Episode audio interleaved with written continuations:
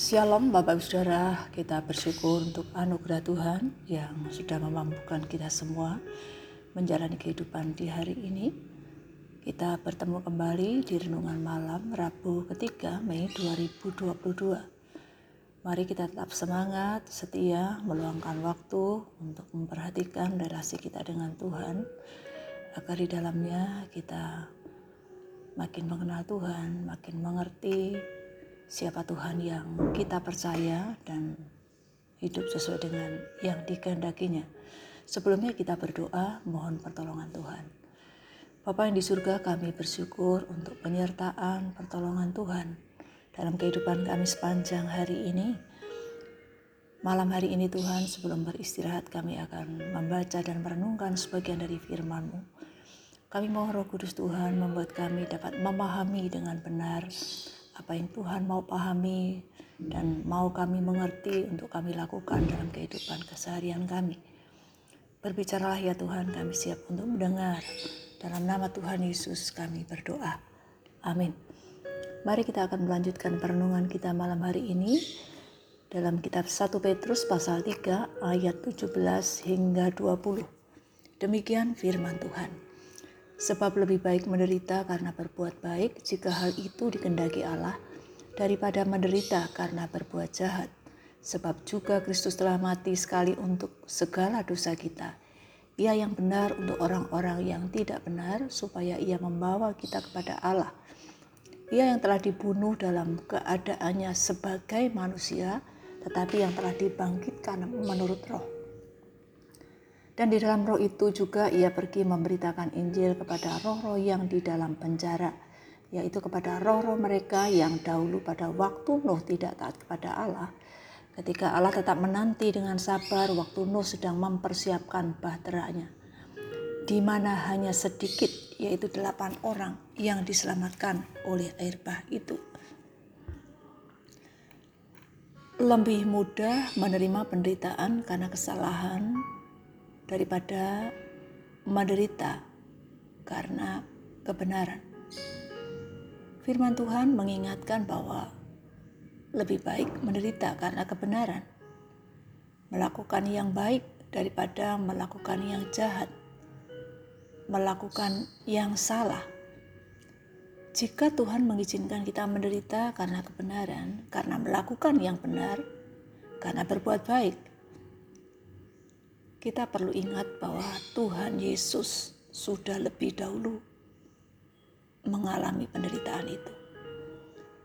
Tidak ada seorang pun yang mau menderita, tetapi jika harus menanggung penderitaan karena ketaatan kepada Tuhan, itu merupakan salah satu kesempatan untuk memberitakan kabar baik. Yesus sudah memberikan contoh bagaimana ia menggantikan yang tidak benar. Yesus yang tidak berdosa menggantikan hukuman orang berdosa.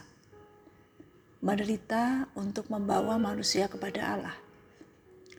Mendamaikan manusia dengan Allah yang sudah terpisahkan karena dosa. Memberikan jalan kepada Allah kematian dan kebangkitannya membawa kita kepada Allah. Dia rela mati dalam keadaan sebagai manusia, tetapi dibangkitkan menurut roh untuk memberitakan Injil kepada roh-roh dalam penjara, yaitu semua orang yang tidak percaya, semua orang yang belum pernah mendengar Injil. Siapakah yang dimaksud oleh Rasul Petrus? Di dalam roh itu juga ia pergi memberitakan Injil kepada roh-roh yang di dalam penjara. Roh-roh mereka yang dahulu pada waktu Nuh tidak taat kepada Allah. Ketika Allah tetap menanti dengan sabar bahwa Nuh sedang mempersiapkan bahteranya di mana hanya sedikit, yaitu delapan orang yang diselamatkan oleh air bah itu. Pada waktu itu, orang-orang tidak mengindahkan Nuh, mengabaikan apa yang disampaikan oleh Nuh. Roh Kristus ada pada Nuh dan melalui Nuh disampaikan kebenaran tentang penghakiman, tentang penghukuman.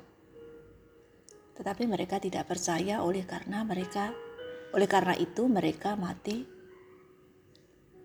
karena penghukuman, karena air bah. Dengan jelas Alkitab mengatakan bahwa hanya Nuh bersama keluarganya yang selamat. Meskipun mereka diolok-olok, namun tetap setia kepada Allah, taat kepada Allah. Ia taat kepada Allah sekalipun berada di antara orang-orang yang tidak percaya, orang-orang yang tidak mengenal Allah. Yesus telah memberikan teladan bagaimana ia melakukan yang benar untuk orang-orang yang tidak benar dengan tujuan yang jelas supaya mereka mengenal Allah supaya mereka percaya kepada Allah dan diselamatkan. Ingatlah ketika dalam menjalani hidup ini Tuhan mengizinkan kita mengalami penderitaan oleh karena kebenaran.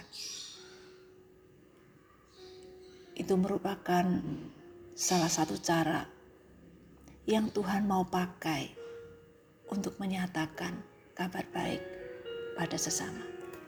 Kita berdoa. Bapa yang di surga, kami bersyukur oleh karena Tuhan rela menderita untuk kami, orang berdosa. Kami diselamatkan, kami tidak binasa. Oleh karena Engkau melakukan yang benar, memberikan contoh bagaimana hidup dengan benar, kami dapat mencontoh, melihat apa yang Tuhan alami dalam kehidupan kami. Tuhan mampukan kami untuk tetap setia kepada Tuhan, tetap berpengharapan kepada Tuhan dalam kehidupan kami.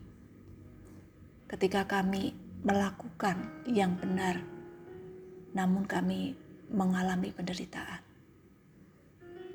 Kuatkan dan teguhkan iman kami dan biarlah kami kedapatan setia dalam pandangan Tuhan, sebagaimana Engkau telah teladankan bagi kami. Kami menyerahkan istirahat malam hari ini, hidup kami yang adalah milikmu itu ya Tuhan. Hanya kepada Tuhan Yesus yang menjadi penolong kami, menjadi juru selamat kami satu-satunya. Yang kami percaya, Engkau terus memperlengkapi kami memampukan kami untuk menjalani kehidupan yang Tuhan anugerahkan. Terpujilah nama Tuhan, kami berdoa di dalam nama Tuhan Yesus. Amin. Bapak Ibu sekalian, selamat malam, selamat beristirahat. Tuhan Yesus memberkati. Amin.